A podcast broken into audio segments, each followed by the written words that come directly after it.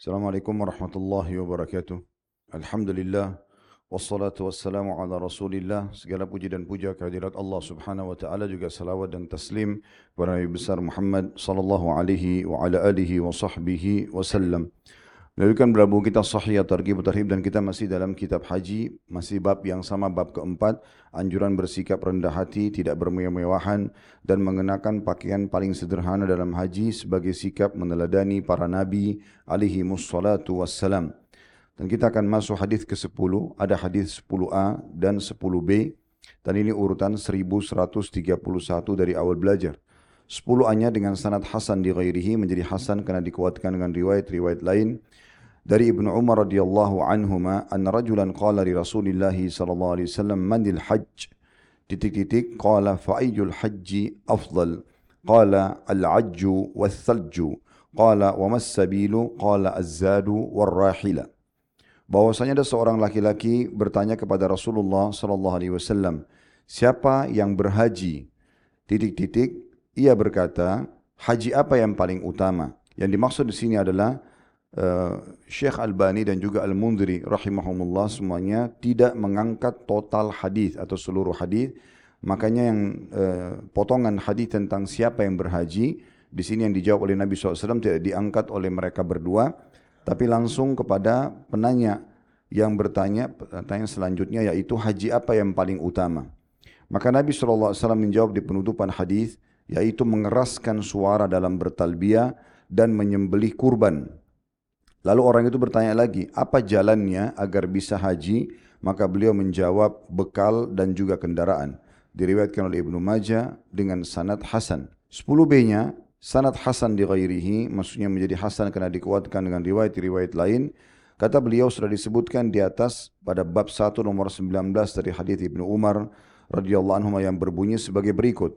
Wa amma uqufuka ashiyata Arafah fa inna Allah yahbitu ila samai dunya فيباهي بكم الملائكة يقول عبادي جاءوني شؤثا من كل فج عميق يرجون, يرجون جنتي فلو كانت ذنوبهم كعدد الرمل أو كقطر المطر أو كزبد البحر لغفرتها أفيدوا عبادي مغفورا لكم ولمن شفعتم lahu. Adapun mengenai wukufmu pada hari sore atau pada sore hari Arafah, maka sungguhnya Allah turun ke langit dunia dia membanggakan kalian di hadapan para malaikat sambil berfirman, Hamba-hambaku telah datang kepadaku dari segala penjuru yang sangat jauh dengan rambut yang kusut hanya untuk mengharapkan rahmatku. Lalu Allah pun berfirman kepada mereka, kalau sekiranya dosa-dosa kalian sejumlah pasir atau sebanyak tetesan hujan atau seperti bui lautan, maka niscaya aku mengampuninya. Berangkatlah atau pulanglah wahai hamba-hambaku dalam keadaan diampuni dosa-dosa kalian dan dosa-dosa yang kalian mohonkan syafaat baginya. Dalam kurung Al-Hadith. Di dalam riwayat lain milik Ibn Hibban disebutkan beliau bersabda sallallahu alaihi wasallam ini masih nomor 10b. Fa idza waqafa bi Arafata fa inna Allah azza wa jalla yanzilu ila samai dunya fa yaqul unzuru ila ibadi syu'than gubra ishhadu anni qad ghafartu lahum dhunubahum wa in kanat adada qatris sama'i wa ramli alij. Apabila mereka melakukan wukuf di Arafah, maka Allah Azza wa Jal turun ke langit dunia dan berfirman kepada para malaikatnya, perhatikanlah hamba-hambaku. Mereka berambut kusut lagi penuh dengan debu. Saksikanlah bahwasanya aku telah mengampuni dosa-dosa mereka, sekalipun dosa-dosa mereka sebanyak curahan hujan dan sebanyak pasir yang menggunung. Hadis terakhir dalam bab ini nomor 11, karena mirip saya bacakan sekaligus dengan sanad sahih urutan 1132 dari Abu Hurairah radhiyallahu anhu dari Rasulullah sallallahu alaihi wasallam beliau bersabda inna Allah yubahi bi ahli arafatin malaikat as-sama fayaqul unzuru ila ibadi haula ja'uni syu'dhan syu'than gubra Sesungguhnya Allah membangga-bangga membangga-banggakan orang-orang yang wukuf di Arafah di hadapan para malaikat di langit. Selaya Allah berfirman, perhatikanlah hamba-hambaku itu, mereka datang kepadaku dengan rambut kusut lagi penuh dengan debu. Diriwayatkan oleh Ahmad, Ibn Hibban juga menyebutkan dalam sahihnya dan Al-Hakim mengatakan sahih berdasarkan syarat Bukhari dan Muslim. Empat buah riwayat dalam dua urutan nomor di akhir hadith-hadith dalam bab nomor empat ini diambil dari potongan akhir judul bab ini yaitu meneladani para nabi dalam melaksanakan ibadah haji. Kalau beberapa riwayat sebelumnya kurang lebih sembilan urutan hadis sebelumnya menyebutkan tentang kesederhanaan kendaraan dan pakaian pada saat haji. Namun hadis-hadis yang terakhir ini menyebutkan tentang motivasi agar terus mengulang-ulangi haji di saat Allah berikan kesempatan. Dan itu diambil sesuai dengan saya katakan tadi akhir daripada judul bab 4 ini yaitu bagaimana meneladani para nabi alaihi wassalatu wassalam. Walaupun Nabi Muhammad SAW hajinya cuma sekali karena bertepatan perintah Allah datang kepada beliau di haji terakhir atau di haji di tahun terakhir beliau hidup di tahun ke-10 awal tahun 11 beliau meninggal alaihi wassalatu wassalam maka dikenal dengan haji wada atau haji perpisahan.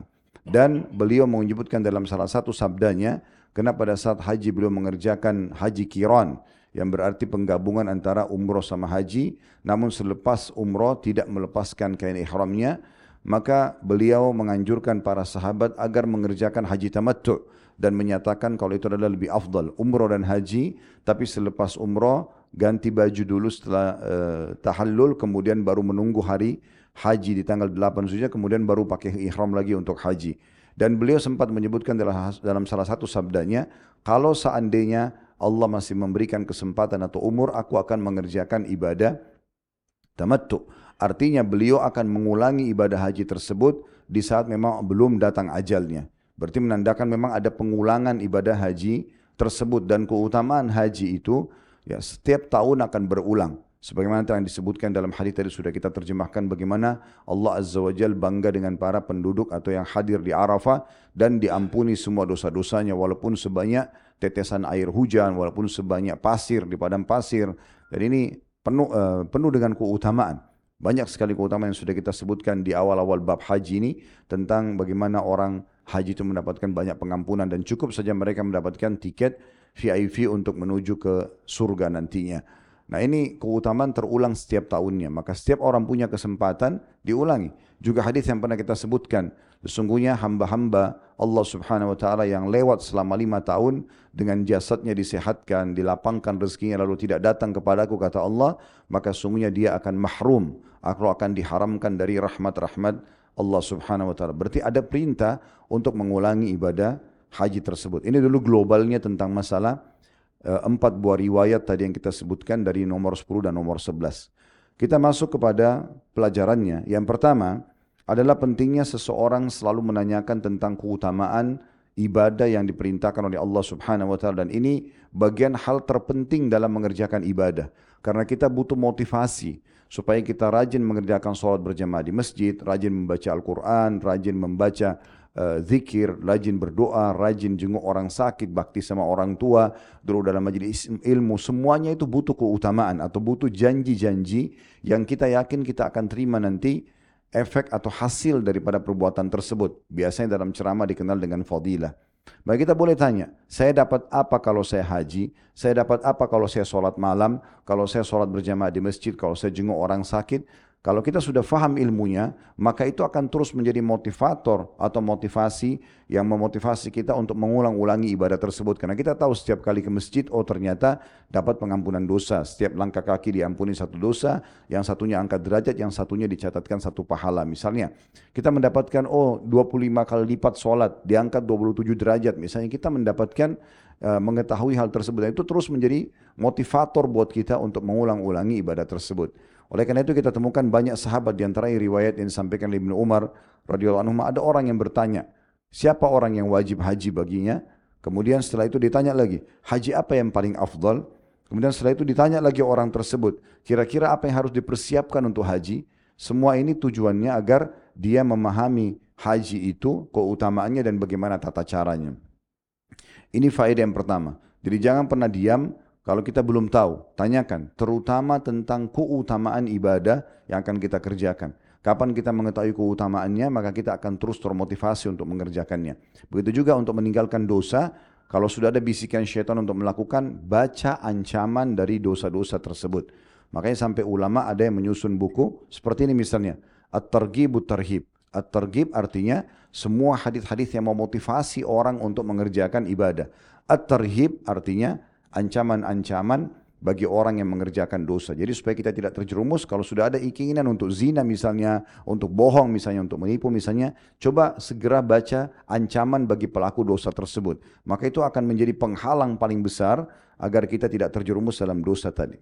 Faedah yang kedua adalah adanya anjuran bagi seluruh jemaah haji untuk mengeraskan suara dalam talbiyah dan menyempurnakan dengan berkurban atau menyembeli. Diistilahkan untuk ibadah haji dan umrah hadyu. Ya, ada juga istilah lain bagi orang yang melanggar pada saat haji dan umrah dengan dam. Ada juga adha atau berkurban di hari raya Idul Adha. Ini tiga hal yang berbeda tapi semuanya sembelian hewan. Di sini yang dimaksud adalah adanya anjuran bagi jemaah haji untuk mengerjakan hadyu atau berkurban karena Allah Subhanahu wa taala. Dan ini berarti anjuran mengeraskan suara. Umumnya ibadah kita dianjurkan untuk mengecilkan suara, ya. Jadi misalnya kita berzikir, dengan adab dan tata keramanya kita berdoa bahkan kita kalau lagi jihad pun Nabi SAW larang untuk teriak-teriak takbirnya di perang Khaybar sempat para sahabat pada saat melihat benteng Yahudi mereka teriak dengan suara keras Allahu Akbar. Seakan-akan itu adalah motivasi buat mereka dan membenarkan janji Allah dan Rasulnya akan merebut benteng Khaybar tersebut. Karena penuh dengan kekayaan. Dan itu kekuatan yang paling besar bagi orang Yahudi yang menjadi penyebab terjadinya penyerangan Madinah sebelum waktu itu. Jadi kurang lebih perang Khaybar kalau saya tidak salah di tahun 6 Hijriah. Di tahun 5 Hijriah terjadi penyerangan massal ke kota Madinah. Dikenal dengan pasukan Ahzab atau pasukan gabungan. Dan motivasi yang, yang, yang menjadi motor daripada penyerangan tersebut adalah orang-orang Yahudi yang ada di Khaybar. Suku Kainuqa dan suku Nadir. Maka dua suku inilah yang diserang oleh Nabi SAW. Waktu itu Nabi bilang kepada para sahabat, kecilkan suara kalian. Jangan kalian berharap untuk bertemu dengan musuh berharap musuh dengar lari. Ya, tidak terlibat peperangan. Tapi kalau kalian bertemu hadapilah. Dan ingatlah, zat yang kalian panggil atau seru tidak tuli. Maksudnya tidak usah teriak-teriak. Tapi subhanallah dalam ibadah haji berbeda. Talbiyah ini justru dikatakan al-ajju. Ajju itu teriak dengan suara keras. Di riwayat yang sebelumnya tentang Musa alaihissalam dikatakan Musa meletakkan tangannya di kupingnya lalu teriak dengan suara keras bertalbiyah. Yang ini dianjurkan mengeraskan suara pada saat itu sehingga syiar Allah Subhanahu wa taala terkumandangkan. Begitu juga dengan kurban atau diistilahkan dengan haji. Orang umrah boleh haji, orang haji juga boleh haji. Dalilnya adalah kalau umrah, bagaimana Nabi SAW pada saat uh, akan melakukan umrah qadha, uh, maaf, akan melaksanakan umrah setelah perang Ahzab, bukan umrah qadha umrah saja, kemudian ditahan di wilayah Hudaybiyah, terjadilah kesepakatan Hudaybiyah. Di situ kalau kita baca dalam buku-buku sejarah, Nabi SAW dan para sahabat membawa haji, hewan-hewan yang akan mereka kurbankan di saat ibadah umrah. Dan sebagaimana umrah sunnah, hadiunya juga sunnah. Tapi kalau haji karena ibadahnya wajib, maka hadiunya pun hukumnya wajib. Bagi terutama haji tamattu dan haji kiran. Jadi di sini poinnya adalah dianjurkan untuk berkurban karena Allah Subhanahu wa taala di saat mengerjakan ibadah-ibadah tersebut. Pelajaran ketiga, adanya anjuran mempersiapkan ya, bekal-bekal terbaik, baik itu bekal makanan, pakaian, kesehatan tubuh, ya, ilmu yang cukup untuk melaksanakan ibadah haji dan umrah, dan juga tunggangan yang layak untuk menyampaikan kita ke lokasi dan juga memulangkan kembali ke wilayah kita. Diambil daripada potongan akhir hadis waktu ditanyakan wa sabil kata Nabi SAW az-zadu war-rahila. Pelajaran yang keempat adalah keutamaan tentang orang-orang yang wukuf di Arafah. Dan ini adalah keutamaan yang tidak bisa hilang ya dari atau tidak boleh luput dari setiap muslim yang Allah berikan kemudahan kesehatan badan dan juga kelebihan harta. Hadir di hari Arafah berarti hadir di haji. Sebagaimana kata Nabi SAW, Al-Hajju Arafah. Kita bisa lihat di sini bagaimana Allah membangga-banggakan mereka di depan para malaikat. Kemudian mengatakan, aku akan mengampuni dosa-dosa kalian walaupun sebanyak butiran pasir, walaupun sebanyak tetesan air hujan, bahkan walaupun sebanyak bui di lautan. Dan Allah mengatakan kepada mereka semuanya, pergilah atau tinggalkanlah Arafah ini di malam hari menuju ke Muzdalifah dalam kondisi diampuni dosa-dosa kalian. Keutamaan yang keenam yang bisa diambil adalah seluruh jemaah haji akan diterima doanya berikut juga orang-orang yang mereka doakan. Karena memang di sini Allah Subhanahu wa taala menyebutkan di dalam hadis qudsi ini ya afidu ibadi makfuran lakum waliman syafa'tum lahu. Ya, tinggalkanlah lokasi Arafah ini setelah terbenam matahari di hari Arafah, wahai hamba-hambaku dalam kondisi diampuni dosa-dosa kalian dan juga ya eh, apa namanya dan siapapun yang kalian syafaatkan atau eh, minta doakan, minta ampunkan. Jadi boleh saja dari sini juga kita mengambil sebuah poin penting bahwasanya setiap kali ada saudara kita pergi haji atau umrah kita bisa mengatakan tolong doakan saya karena memang di sana doa-doa insya Allah diijabah. Kedepannya kita akan lanjutkan bab baru, bab kelima tentang anjuran anjuran ihram, bertalbiyah dan mengeraskan suara pada keduanya. Maksudnya hadis-hadis yang menguatkan tadi apa yang kita sampaikan dari akhir hadis di bab nomor empat. Semoga bermanfaat. Subhanakallahumma bihamdika. Asyhadu an la ilaha illa anta astaghfiruka wa atubu ilaik. Wassalamualaikum warahmatullahi wabarakatuh.